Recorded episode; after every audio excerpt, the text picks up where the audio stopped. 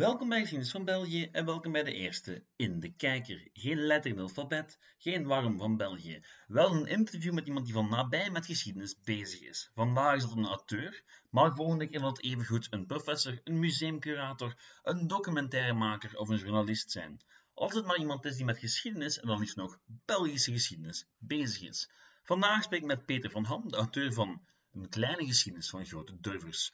Ons gesprek is opgedeeld in twee deeltjes. Eentje waar we het uitvoerig over zijn boek hebben en eentje waar we wat meer algemeen over Belgische geschiedenis babbelen. En in het midden geef ik nog eens kort mijn mening over het boek. Genoeg, ik laat het woord aan mezelf en Peter van Ham. Welkom bij Geschiedenis van België en welkom bij iets compleet nieuws. Welkom bij In de Kijker. Een nieuw segment waar ik eigenlijk mensen introduceer of tentoonstellingen introduceer en dan ja, babbel ik even met die mensen over wat ze precies geschreven of gedaan hebben. Vandaag de eerste gast is Peter van Ham. Peter van Ham is headwriter van het Wereldeconomisch Forum te Genève, studeerde al als handelsingenieur aan de KU Leuven, behaalde ook een masterdiploma bedrijfs- en economische journalistiek aan de Columbia University in de US en als freelance journalist schreef hij al voor De Tijd, The Financial Times, Business Insider en vele andere media. Goed, en nu heeft die man een geschiedenisboek geschreven. En daar gaan we het vandaag over hebben. Het boek noemt Een kleine geschiedenis van grote durvers, buitengewone Belgische ondernemers van de middeleeuwen tot nu, uitgegeven bij Lano. Welkom, Peter van Ham. Dankjewel, Tim. Ik ben heel blij om hier te zijn. En ik ben heel blij om jou te hebben. Nu, mijn allereerste vraag, heel simpel. Een kleine geschiedenis van buitengewone durvers, uh, een geweldige titel. Wat moeten we ons daar precies bij voorstellen? Ja, dat is een, een goede vraag. Uh, het boek ging trouwens origineel ook anders genoemd worden. Het ging Dappere Belgen zijn, omdat we een verhaal wilden vertellen van ja, mensen die uit onze streken komen, uit onze regio, is dat nu Vlaanderen, Brabant of andere streken van België, van de middeleeuwen tot vandaag, en die bijzondere dingen gedaan hebben. Uh, ik ben zelf, zoals je al hebt aangegeven, econoom van opleiding en ben daarom geïnteresseerd in mensen die op economisch vlak dingen doen, ondernemers. En dat zijn de buitengewone mensen, de grote durvers, zoals ik ze heet, de ondernemers dus, die we belichten in dit boek. Ja, en je doorloopt eigenlijk zo de hele Belgische, Belgische en pre-Belgische geschiedenis. Hè. Het gaat echt van, vanaf de Karolingers tot de val van Antwerpen, tot ja, bijna vandaag de dag. Het is een heel breed overzicht van de Belgische geschiedenis, met een heel specifiek inzicht. Ja, omdat ik zelf natuurlijk die, um, laten we zeggen, die, die insteek heb, dat ik geïnteresseerd ben in de economie. Uh, dat was ook mijn favoriete vak aan de universiteit in Leuven, economische geschiedenis. En het is zo dat uh, vaak, uh, laten we zeggen, als we spreken over het verleden, dat we het dan vaak hebben over de politieke geschiedenis van een plaats. We hebben het over de koningen, we hebben het over de premiers, de presidenten, de ridders en noem zo maar op. Terwijl er natuurlijk heel wat andere mensen waren. En de meeste mensen, voor de meeste mensen doorheen de geschiedenis, was vandaag, is wat telt eigenlijk hun werk en hun leven.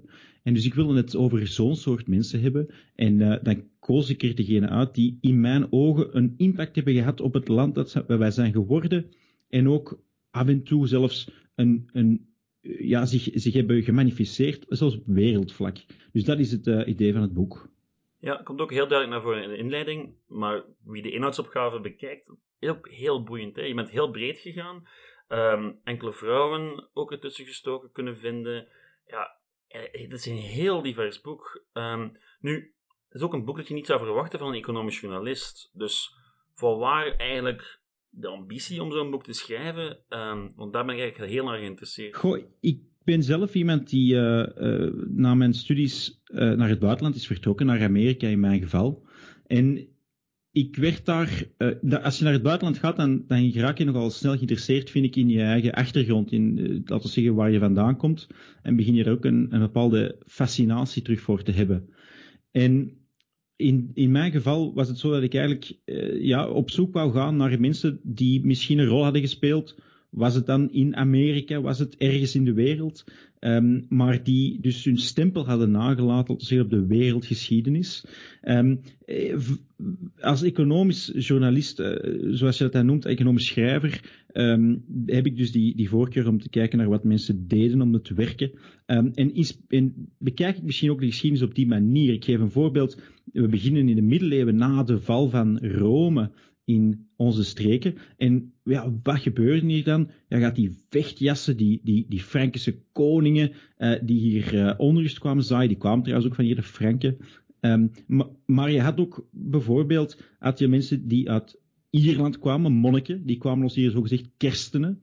En als je gaat kijken naar de details daarvan, hoe dat dan ging, mensen zoals hè, Rombout eh, en, en later anderen, ja, dat waren eigenlijk ook uh, mensen die niet zomaar met een religieus idee naar hier kwamen, maar ook met een ondernemersidee. Want wat die eigenlijk brachten was het idee van een abdij. Die creëerde abdijen als een economisch geheel. En dus dat is uh, de manier waarop ik naar die geschiedenis kijk. En als journalist vind ik dat ook interessant om op die manier te ontdekken. Ik denk dat het economische er zeker nog meer uitkomt in enkele latere hoofdstukken. Als je gaat praten over Brugge als handelsstad, over Antwerpen als handelsstad, ook over Mechelen. Het gaat heel vaak over de ondernemende en veel van die verhalen kende ik niet of toch niet vanuit die invalshoek. En dat is er dan ook heel erg boeiend aan, uh, voor mij persoonlijk. Nu, je hebt ook echt wel oog voor vrouwelijke figuren. Heb je dat wat moeten zoeken? Want het is over het algemeen zo dat het moeilijk is om, om echt boeiende verhalen van vrouwen te vinden omdat er gewoon heel weinig bronmateriaal is. Er is heel weinig ego-materiaal tot in de 18e eeuw, maar je hebt daar duidelijk wel een inspanning voor gedaan. Ja, dat is juist, omdat ik stelde ook vast als je naar de geschiedenisboeken kijkt, zeker die over België, er niet echt vaak veel ruimte is voor vrouwen. Hè? En als je er dan al over leest, is het vaak in een negatief daglicht. En dat is iets wat we ook elders zien. Hè. Een lange, het is een lange en wereldwijde traditie, zou je kunnen zeggen. Denk maar bijvoorbeeld hoe Maria Magdalena uh, bijna is weggeschreven uit het leven van uh, Jezus. Maar in de Belgische geschiedenis is dat toch wel echt opvallend. Om maar één voorbeeld te geven. In die Frankische periode, waar we het wel over hadden, met Clovis en die andere vatsige koningen die later kwamen, was er ook een heel straffe madame. Brunilde, die was namelijk koningin en later koningin moeder en koningin grootmoeder. En die was dus eigenlijk de echte machthebber bij ons. Maar als je haar verhaal leest, in de geschiedenisboeken, lijkt het dan wel of zij een soort van fakes is.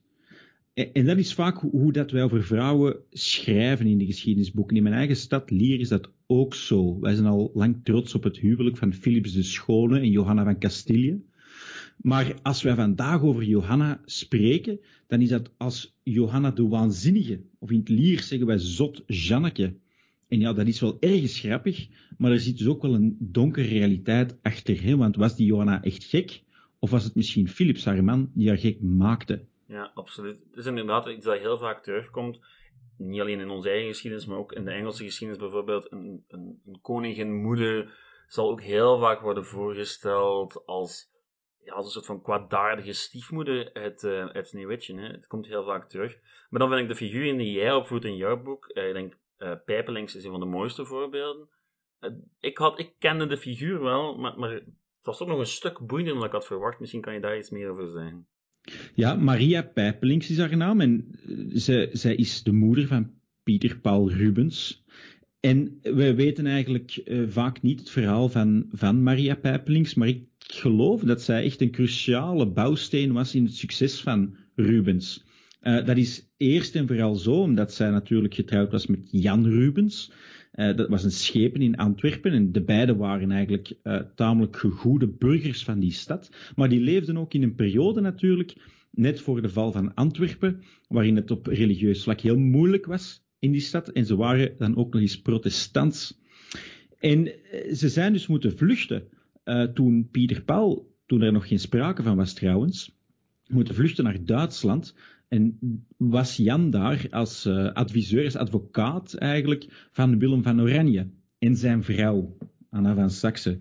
En dat was wel een beetje een probleem, want het bleek dat die uh, Jan Rubens wel meer deed dan uh, het gewoon advies geven aan Anna van Saxe. Die hadden namelijk een relatie. En eens dat dat natuurlijk uitkwam, ja, dan was echt wel het hek van de dam. En dus die uh, Jan Rubens, die werd in de gevangenis uh, gestoken, bijna ter dood veroordeeld. En dan komt die Maria Pijpelings naar boven. Die Maria die tegelijkertijd haar gezin wil samenhouden en er wil voor zorgen natuurlijk dat haar man vrij wordt gelaten. En zij schrijft naar Willem van Oranje. Zij schrijft naar haar eigen man in de gevangenis om hem moed te geven. En slaagt er uiteindelijk ook in om die Jan vrij te krijgen. En het is enkel daarom, uh, wanneer zij dus nog in Duitsland verblijven, in het kleine stadje in Siegen, ik ben er trouwens nog geweest deze zomer, nog verdwaald geraakt in dat kleine stadje. Um, het is dan pas dat zij beginnen aan hun, denk ik, vijfde kind. en dat wordt dan Peter Dus het is al eerst door die doorzettingsvermogen van die Maria, haar vergevingsgezindheid ook, uh, dat er überhaupt sprake is van Pieter Paul. En het is later ook nog eens omwille van Maria Pijpelings dat uh, Pieter Paul, die ondertussen een schilder is geworden in Italië, een mens moet zich heruitvinden, um, dat, uh, dat die Pieter Paul terugkomt naar Antwerpen en daar zijn carrière uitbouwt. Want het was namelijk zo dat die moeder na het uh, overlijden van haar man uiteindelijk, Jan Rubens, dat hij met haar kinderen terug is gegaan naar Antwerpen. Zij had er nogal heimwee naar. En hij daar eigenlijk heeft grootgebracht. En wanneer Pieter Paul naar Italië ging voor zijn schildersopleiding, werd hij op een bepaald moment teruggeroepen omdat zijn moeder het niet goed stelde. En omdat hij terugkwam naar Antwerpen voor zijn moeder, is hij daar uiteindelijk ook gebleven. En is hij de Pieter Paul Rubens geworden die we vandaag kennen. En dat is dan weer het verhaal van Maria Pijpelings, vind ik. Ja, dat is ontzettend interessant. Ook omdat er zijn ook wel een paar andere. Ik denk de, de vrouw van Breugel is ook zo iemand die er heel veel impact heeft gehad. En er zijn zo nog voorbeelden die je kan terugvinden.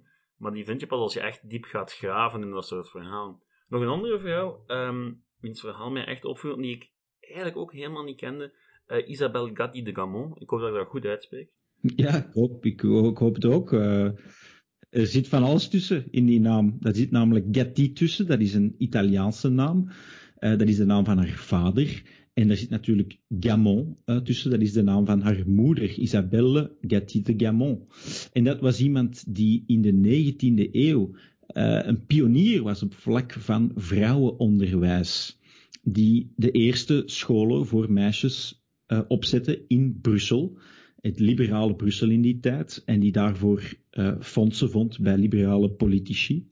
En daar kwam heel wat, uh, heel wat eersten uit voor. De eerste advocaten, de eerste vrouwelijke advocaten van België was een gaticienne, zoals die meisjes heten die naar school liepen. De eerste dokter, de vrouwelijke, eerste vrouwelijke dokteres, was een gaticienne. En uh, ook de eerste vrouwelijke parlementsvoorzitter en de voorzitter van een partij was een uh, of toch een, een, kind van een Gaticienne. Dus dat is iemand, Isabelle Gatti de Gamon, die op haar manier ook, denk ik, een stempel heeft gedrukt op onze geschiedenis, namelijk door zich in te zetten voor het vrouwenonderwijs. Ja, heel boeiend verhaal, hè. Um, dan waren er nog een paar. Mijn lievelingshoofdstuk is waarschijnlijk het hoofdstuk met de fantastische titel Uw toren is niet af.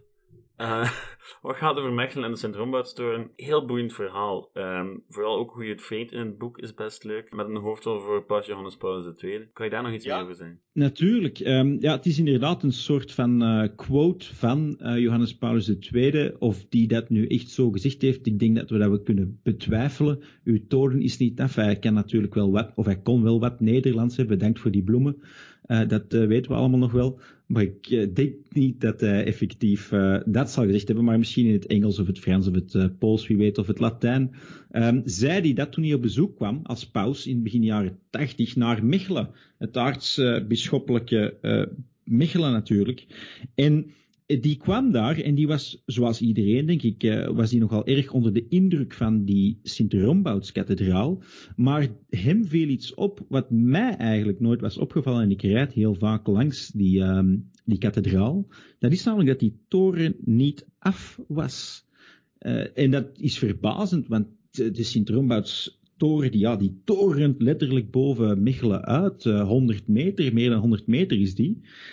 Maar het oorspronkelijke plan, dat had die Johannes Paulus goed gezien uh, vanuit de 16e, 15e eeuw, was om daar de hoogste toren van Europa van te maken. Een soort van skyscraper avant la lettre. Die toren die zou 160 meter alstublieft hoog worden. En dat is inderdaad nooit gebeurd. En, en dat heeft er natuurlijk mee te maken dat ja, toen die plannen gemaakt werden, was Mechelen, net zoals uh, de Brabantse steden, was dat echt ja, het uh, commerciële centrum, politieke centrum en, en zo maar verder van Europa. Uh, maar later natuurlijk, door uh, de godsdienstoorlogen en onrust en, en natuurlijk later de sluiting van de Schelden en dergelijke meer, verloor uh, Mechelen en, de rest van de regio die, um, die economische macht. En hadden zij de fondsen niet meer om die toren af te maken. En dat is toch wel een triestig verhaal, want um, in Speyer staat nog altijd, denk ik, in Speyer in Duitsland nog altijd de hoogste toren. En die is denk ik 155 meter hoog. Dus Mechelen had de hoogste toren kunnen geweest zijn. En ik denk dat dit jaar ongeveer de Sagrada Familia um, hoger gaat worden. Dus dat had een, een, verhaal kunnen zijn van de hoogste toren van Europa. was een, een verhaal van een bijzondere architectenfamilie, de familie Keldermans uit Mechelen. Uh, en die uh, hadden fantastische plannen, maar helaas is dat door de geschiedenis niet gelukt. Dat valt inderdaad ook heel erg op in het boek. Um, het gaat ook heel vaak over families, heel vaak over mensen die via sociale mobiliteit um, verder weten te geraken in het leven dan hun ouders of hun grootouders. Maar het gaat ook heel vaak over ja, het komen en gaan van de, e-, de economie. Is een, bijna een hoofdpersonage in, in het boek op een bepaalde manier, want iedereen gaat daar ook mee om. Ik denk dat je het voorbeeld van Pijpelings en, en de, de oorlogen, maar dan ook Antwerpen dat begint te vervallen, Mechelen, en er zijn wel nog een paar voorbeelden. Dat valt heel hard op, hoe dat dan een soort van nevenpersonage is. En hoe men zich ook altijd opnieuw daaraan moet aanpassen. Ja, dat is juist. En ik denk waar wij ons misschien wel wat aan mispakken uh, vandaag de dag, is uh, dat uh, besef dat ehm, Vlaanderen, Brabant, onze streken dus, dat die eigenlijk, Luik misschien ook wel, um, dat die eigenlijk heel lang op economisch gebied, op demografisch en economisch gebied, eigenlijk ja, de belangrijkste regio's van Europa waren. En dan niet zomaar een meeloper naast Nederland en Duitsland en Frankrijk, um, maar echt de nummer één, de absolute nummer één. En, en dat is iets dat dus al heel vroeg begint. Denk maar aan de opkomst van Brugge. Uh, in de, ja, is dat al de, de 11e, 12e, 13e eeuw. En dat loopt dus inderdaad door tot en met de val van Antwerpen op het einde van de 16e eeuw. En maakt dan nog eens een comeback natuurlijk bij de industriële revolutie in de 19e eeuw. Dus dat is inderdaad een, een, een, rode lijn die je door onze geschiedenis ziet, is dat wij eigenlijk bijna altijd aan die top hebben gestaan, behalve dan natuurlijk op die traumatische uh, momenten uh, dat dat uh, fout liep. Hè. Dus natuurlijk het meest traumatische is de val van Antwerpen, de, de, de sluiting van de Schelde. Um, en ook op andere momenten liep het al eens fout, maar eigenlijk zijn wij altijd aan de top, hebben wij altijd aan de top gestaan. Ja, inderdaad. Val, valt heel hard op. Ik, ik, lees het boek natuurlijk ook nu in, in volle coronaperiode, tweede lockdown. Dus voor mij ook heel boeiend om dan van daaruit daarnaar te kijken. Is dat ook een van, van de lessen die je denkt dat uit het boek te trekken is? Ja, ik heb het boek ook zelf geschreven in de eerste lockdown, zal ik maar zeggen. Um, dus uh, wat dat betreft uh, is het inderdaad wel zo, denk ik, dat dit soort periodes uh, ja, ons doet nadenken, ons doet reflecteren. Maar het klopt ook wel dat ja, wij inderdaad in het verleden ook wel wat moeilijke momenten, wat woelige watertjes hebben doorsparteld, om het zo te zeggen. Hè.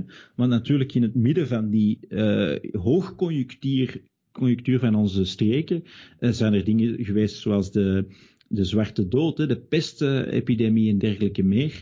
En, en daar hebben we ons dan toch maar op een of andere manier uh, uh, doorgesparteld. En dat is natuurlijk enkel mogelijk als mensen ook ja, vindingrijkheid aan de dag leggen, creativiteit, doorzettingsvermogen, uh, zich aanpassen aan veranderende tijden. En, en ga ze maar verder in. Dat zie je dus ook. Hè. Als Antwerpen ooit de commerciële hoofdstad van Europa is geworden, dan was het eigenlijk voor een groot deel ten nadele van Brugge. Um, en dat had dat vaak ook wel te maken. We spreken vaak over de, dichtslibbing van, van het zwinnen, van de, de toegang tot de zee van Brugge. Maar het had eigenlijk evenveel te maken, zeggen historici dan, met uh, de creativiteit, of laten we zeggen met de, met, met de flexibiliteit die Antwerpen aan de dag legde op vlak van uh, bijvoorbeeld de gilden die minder privileges hadden. Privileges mag ik eigenlijk niet zeggen, hè, maar die, die meer flexibel waren um, dan die in Brugge bijvoorbeeld. En dat zie je wel terugkomen in andere verhalen ook. Absoluut. Ja, inderdaad. Um, je had het net ook nog over uh, die grote depressies, hè, die grote, um, ja, laten we zeggen, uh, die grote valpartijen wat, het economische, wat de economische welvaart betreft, de politieke belangrijkheid. En dan hebben we het zeker en, zeker en vast over het einde van de opstand en de val van Antwerpen.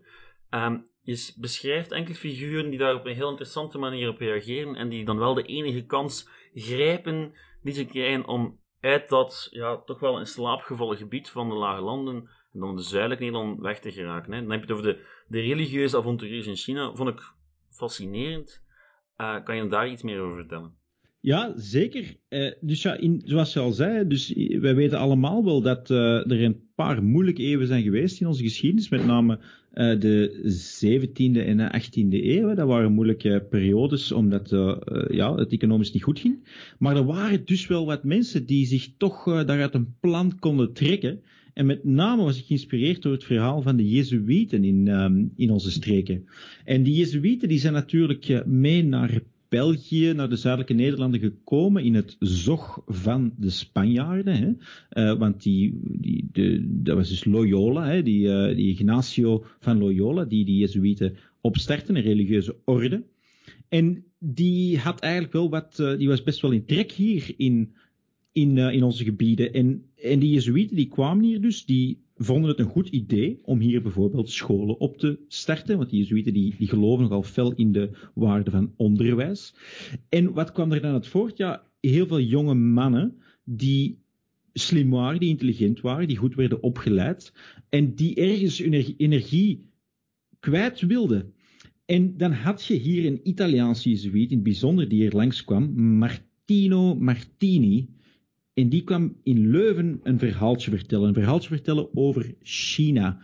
Die was daar geweest. Die had daar goede banden opgebouwd aan het Chinese hof bij de nieuwe keizer. En die zei van, ik ben op zoek naar mensen die met mij willen meekomen naar China. En natuurlijk, ja, in Leuven, uh, al die jonge gasten die daar uh, school liepen aan de universiteit, die Jezuïeten, die waren tol enthousiast. Ja, toch eindelijk een kans om hier uh, de wereld te zien. En die gingen in het spoor van die Martino Martini mee naar China. Het begin van een ongelooflijk avontuur. Ja, absoluut. En wat gebeurt dan heel precies met die uh, jonge met die jongens van bij ons, zo gezegd, als ze dan in China aankomen? Ja, dus die, uh, die gaan inderdaad op een lange reis met die Martino Martini. Trouwens, een heel uh, problematische reis. Die duurt wel twee of drie jaar. En eigenlijk is de helft van het, uh, van het team al verdronken of onderweg gestorven. Maar zij die er geraken, die slagen er inderdaad in om een hele grote invloed te gaan uitoefenen aan dat Chinese hof bij die nieuwe Chinese keizers. En die, uh, die gaan bijvoorbeeld raadgever worden op vlak van de kalenders maken. Dat was heel belangrijk in die tijd. Uh, die gaan bijvoorbeeld raadgever worden op vlak van nieuwe uitvindingen voor oorlogen en, en gaan ze maar verder. Een van die figuren, Ferdinand Verpist, die wordt in het bijzonder heel erg invloedrijk. Dat wordt een soort van mandarijn, laten we zeggen een soort van minister voor, die, uh, voor die keizer. En die is dus, ja, zou je kunnen zeggen, ja, wie, wie kan dat zeggen, hè? dat die minister wordt in China als Belg zijn? Ja, die Ferdinand Verbist heeft dus gedaan. En dan waren er anderen ook, Albert Dorville bijvoorbeeld. Dat was een man die nogal gebeten was door de reismicroben. En die besliste om een, een, een reis over het land terug te maken naar Europa. Een beetje Marco Polo achterna zou je kunnen zeggen. Uh, maar dan wel via streken die nog niet bekend waren in uh, Europa. Bijvoorbeeld Tibet. Um, en die beschrijft in zijn reischronieken uh, hoe dit er allemaal uitziet. Jammer genoeg eindigt zijn verhaal wel met de toenmalige versie van Napels zien en sterven. En voor hem was dat Agra zien en sterven. De Taj Mahal heeft hij nog net gezien. En dan uh, viel er uitgeput bij neer. En tenslotte ook nog Philippe Couplet. Philippe Couplet, die eigenlijk de man is die Kung naar Europa bracht. In Kung dat is natuurlijk Confucius zoals wij hem kennen. En die man, uh, Philippe Couplet, die bracht de geschriften, of die vertaalde de geschriften van Confucius naar het uh, uh, Latijn, neem ik aan. Hè? En, uh, en daarmee introduceerde hij als eerste Confucius in Europa. Dus dat zijn toch prachtige verhalen, denk ik, van die Jezuïet. Dat zijn absoluut ongelooflijke verhalen. Het was voor mij echt heel leuk om, om te lezen. En ook, ja, dat zijn dingen waar we vaak aan voorbij gaan, aan net die rol en die impact die, die mensen tot onze stuk ook vaak gespeeld, vaak gespeeld hebben. Ja, absoluut. Dus dat is... Ja, heel leuk om je daar eens in te verdiepen. Ik heb er natuurlijk uh, een aantal maanden en jaren aan gespendeerd. Uh, maar andere mensen die vinden het misschien de moeite om eens uh, een uurtje of vijf een boek te lezen. En dus dat is wat ze dat kunnen doen met een kleine geschiedenis van grote durvers. Voilà, absoluut. Oké, Peter van Ham, vriendelijk bedankt voor uw aanwezigheid op deze eerste in de kijker. En veel succes. Het boek noemt een kleine geschiedenis van grote durvers. Bij Lano kan je overal vinden online, ook in de meeste boekwinkels, denk ik. En uh, tot daar. Dank u, Peter. Dank u wel. Tot daar het eerste deel. Zoals u misschien al doorhaalt, ben ik redelijk enthousiast over het boek. Al is het maar omdat, ja, een boek met zowel Brugse familieklans, de moeder van Pieter Paul Rubens, Jezuïeten in China en de Sint-Romboudstoorn toch iets helemaal nieuws. En ja, deze insteek is nu eenmaal iets nieuws voor een publiek historisch boek. En hoewel het ene hoofdstuk voor mij al meer verrassingen bevatte dan het andere, was het simpelweg een plezier om die hele Belgische geschiedenis eens van een andere hoek te bekijken. Met persoonlijke verhalen binnen hun context. En dat is eerlijk gezegd een heel aantrekkelijke manier om die Belgische geschiedenis of pre-Belgische geschiedenis nog eens te beleven. Nu, die eerste hoofdstukken waren nog wat moeilijk, maar eerlijk gezegd voor mij, eens het bruggen van de Erenbalde en van die stadsklan belicht wordt, ja, dan kan ik dat boek nog maar moeilijk neerleggen. Goed, hierna volgt nog een gesprekje tussen Peter en mij over Belgische geschiedenis, maar dat is voor de geïnteresseerden. Zij die nu afhaken, bedank ik graag voor het luisteren. En ja, u kan zoals altijd met reacties en suggesties terecht op Facebook of Twitter. Allebei onder de noemer Geschiedenis van België. Hebt u interesse om zelf eens deel uit te maken van De Kijker? Wel, laat het mij vooral weten. Goed, hier is Peter van Ham en uw dienaar over waarom Belgische geschiedenis boeiend is, wanneer die eigenlijk begint en of die geschiedenis zich tot de landgrenzen beperken moet. Enjoy! We zijn nu al even aan het praten over geschiedenis en Belgische geschiedenis. En we hebben het er daar juist al even over gehad. Maar wat mij toch heel erg interesseert is, um, altijd bij andere mensen, die echt willen focussen op die Belgische geschiedenis. Want het is een van de minder um, sexy geschiedenissen uh, over het algemeen. En heel vaak focussen mensen in boeken uh, en dergelijke meer op ja, iets meer spectaculaire dingetjes. Hè. De Eerste Wereldoorlog, de Tweede Wereldoorlog, de collaboratie, alle uh, spanningen tussen Vlaanderen en Wallonië, de taalgrens. Dat zijn ook dingen die ik vaak binnenkrijg of ik dat ooit wil doen. Dat zal ik wel doen. Maar jij kiest wel heel bewust voor die, bijna die hele Belgische geschiedenis, wat ik heel boeiend vind. Want dat doen relatief weinig mensen vandaag de dag. Ja, omdat je, als je gaat terugkijken naar, naar onze geschiedenis en je wilt ergens beginnen, dan is de vraag natuurlijk, ja, waar begint je? En als je teruggaat naar, laten we zeggen, de naoorlogse periode, dat is een goed startpunt, hè, de, start van de welvaartsstaat en dergelijke meer. Eh, of je gaat terug naar de Belle Époque, het einde van de 19e eeuw. Je gaat terug naar het begin van de industriële revolutie. En ga ze maar verder en ga ze maar door. Maar altijd als je dan ergens begint, ja, is er al van alles dat gebeurd is en dat bepaalt wat er in die periode plaatsvindt. En dus is het eigenlijk alsof je een, een verhaal begint dat, dat al volop bezig is. En mijn idee was, het is misschien wel eens goed om te gaan kijken, ja, hoe ver moeten we teruggaan om echt naar het begin te gaan. En ik moet eerlijk toegeven, de uitgever uh, die vond uh, mijn verhalen over de man van Spie en dergelijke meer toch, toch iets minder boeiend dan ik zelf had gehoopt. Maar daar waren we dus wel effectief begonnen bij de eerste uh, mensen. Maar uiteindelijk denk ik dat het een goed startpunt is, en daar begin ik ook, is, laten we zeggen, het, het, het soort van...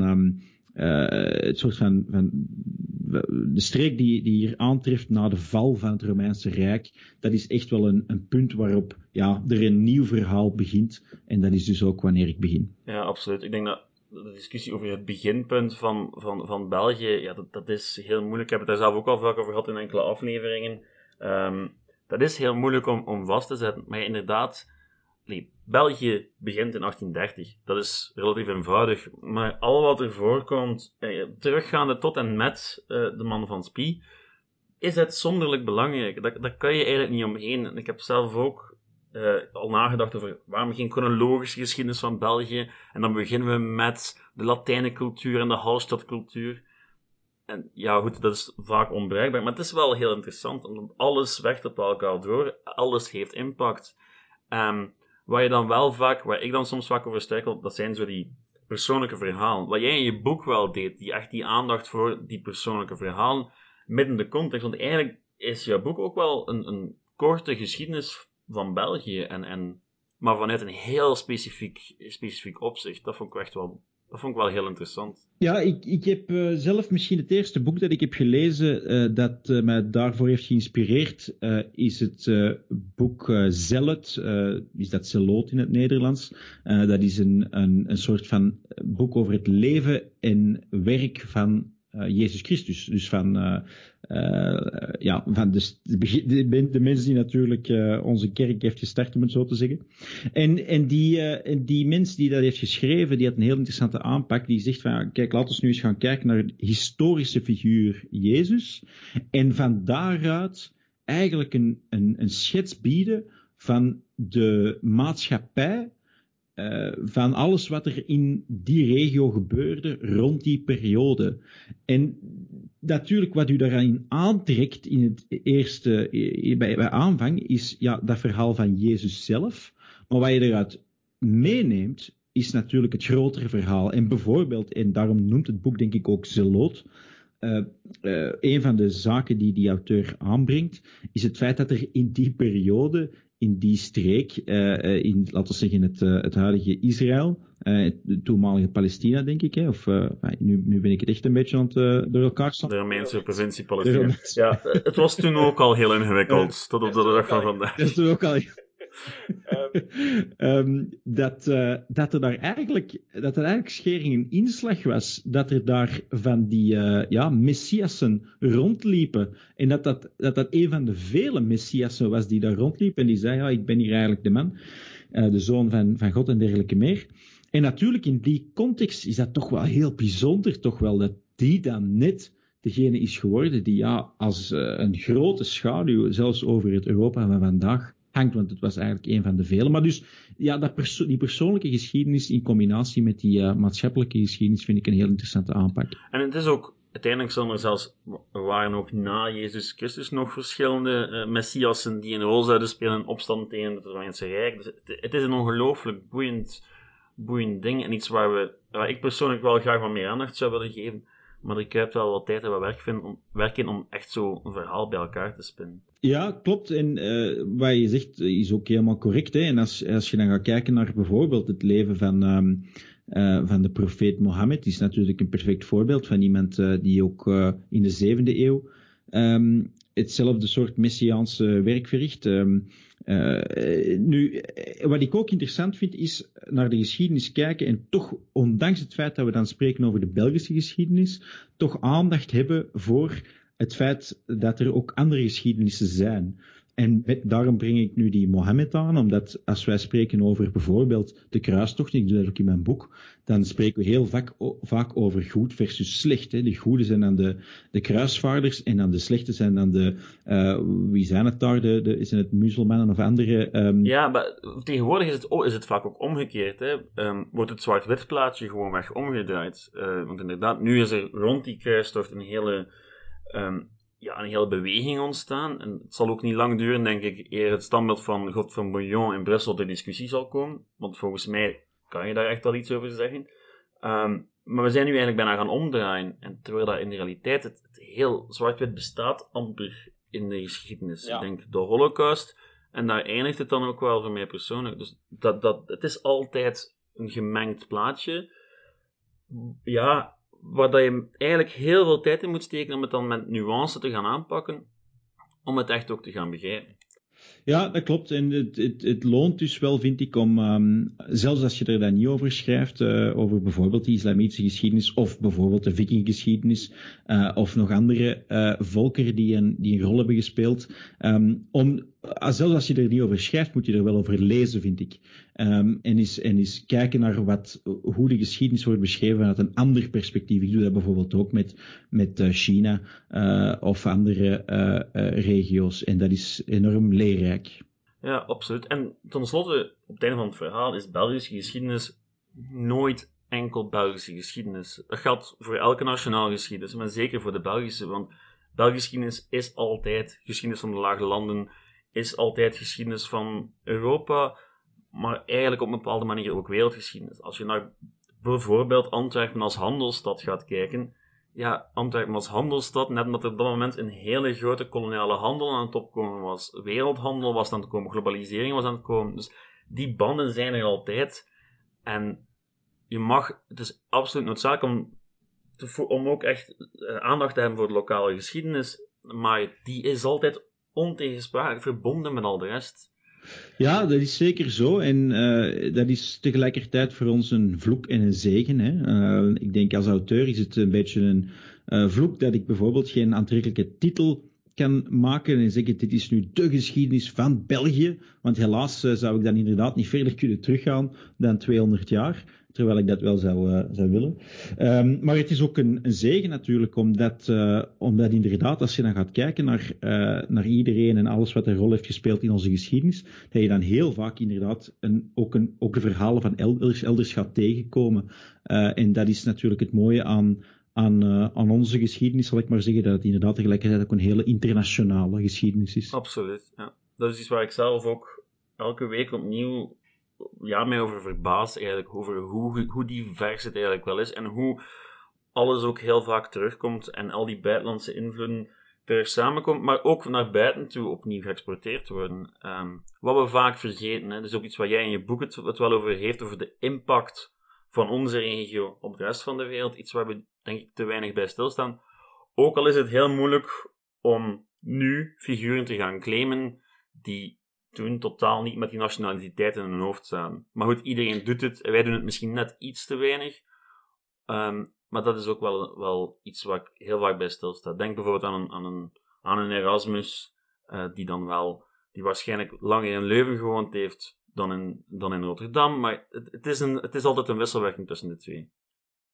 Ja, dat is juist. En uh, voor mij was dat toch ook wel ergens belangrijk om, ja, ik zal niet zeggen to set the record straight, zoals men dan zegt in het uh, Engels, hè, uh, maar toch tenminste ook ja, onze, onze vlag in de grond te steken. En dat is met name, ja, je kunt inderdaad vroeg beginnen. Dus Clovis, die in Frankrijk wordt gezien als de stichter van Frankrijk. Clovis, Lovis, Louis.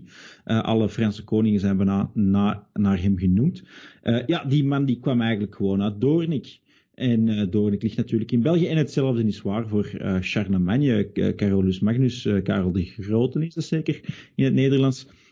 Ja, die, die komt dus zogezegd uit Aken, maar iedereen die al eens in Aken is geweest, die weet eigenlijk dat dat ja, gewoon een, een letterlijk bijna een steenworp is van de grens van, van België. En die zijn hele geschiedenis, al die zijn voorouders, die kwamen ook uit Haspengouw en andere Belgische streken. Dus dat is toch ja, belangrijk om dat ook eens te vertellen. Natuurlijk. En natuurlijk zijn ook de voorouders van Clovis komen dan zelf ook weer meer van het oosten toe, meer uit Germanië. Dus het, het is, die interactie is er altijd. Hè. Dat vind ik net het meest fascinerende aan Belgische geschiedenis, omdat het zo breed is en dat het zo breed gaat. Ja, en dat zie je ook in, onze, in ons DNA. Ik heb mijn test gedaan, uh, zoals zoveel andere mensen, denk ik wel. En dan zie je inderdaad dat er niet zoiets is als een Belgisch DNA, maar wel als een broadly Western European DNA. Uh, dus een, een, eh, een West-Europees DNA, dat is er wel. En dat, dat zijn wij dus inderdaad. Dus uh, Belgen, Vlamingen, um, je kan het noemen wat je wilt,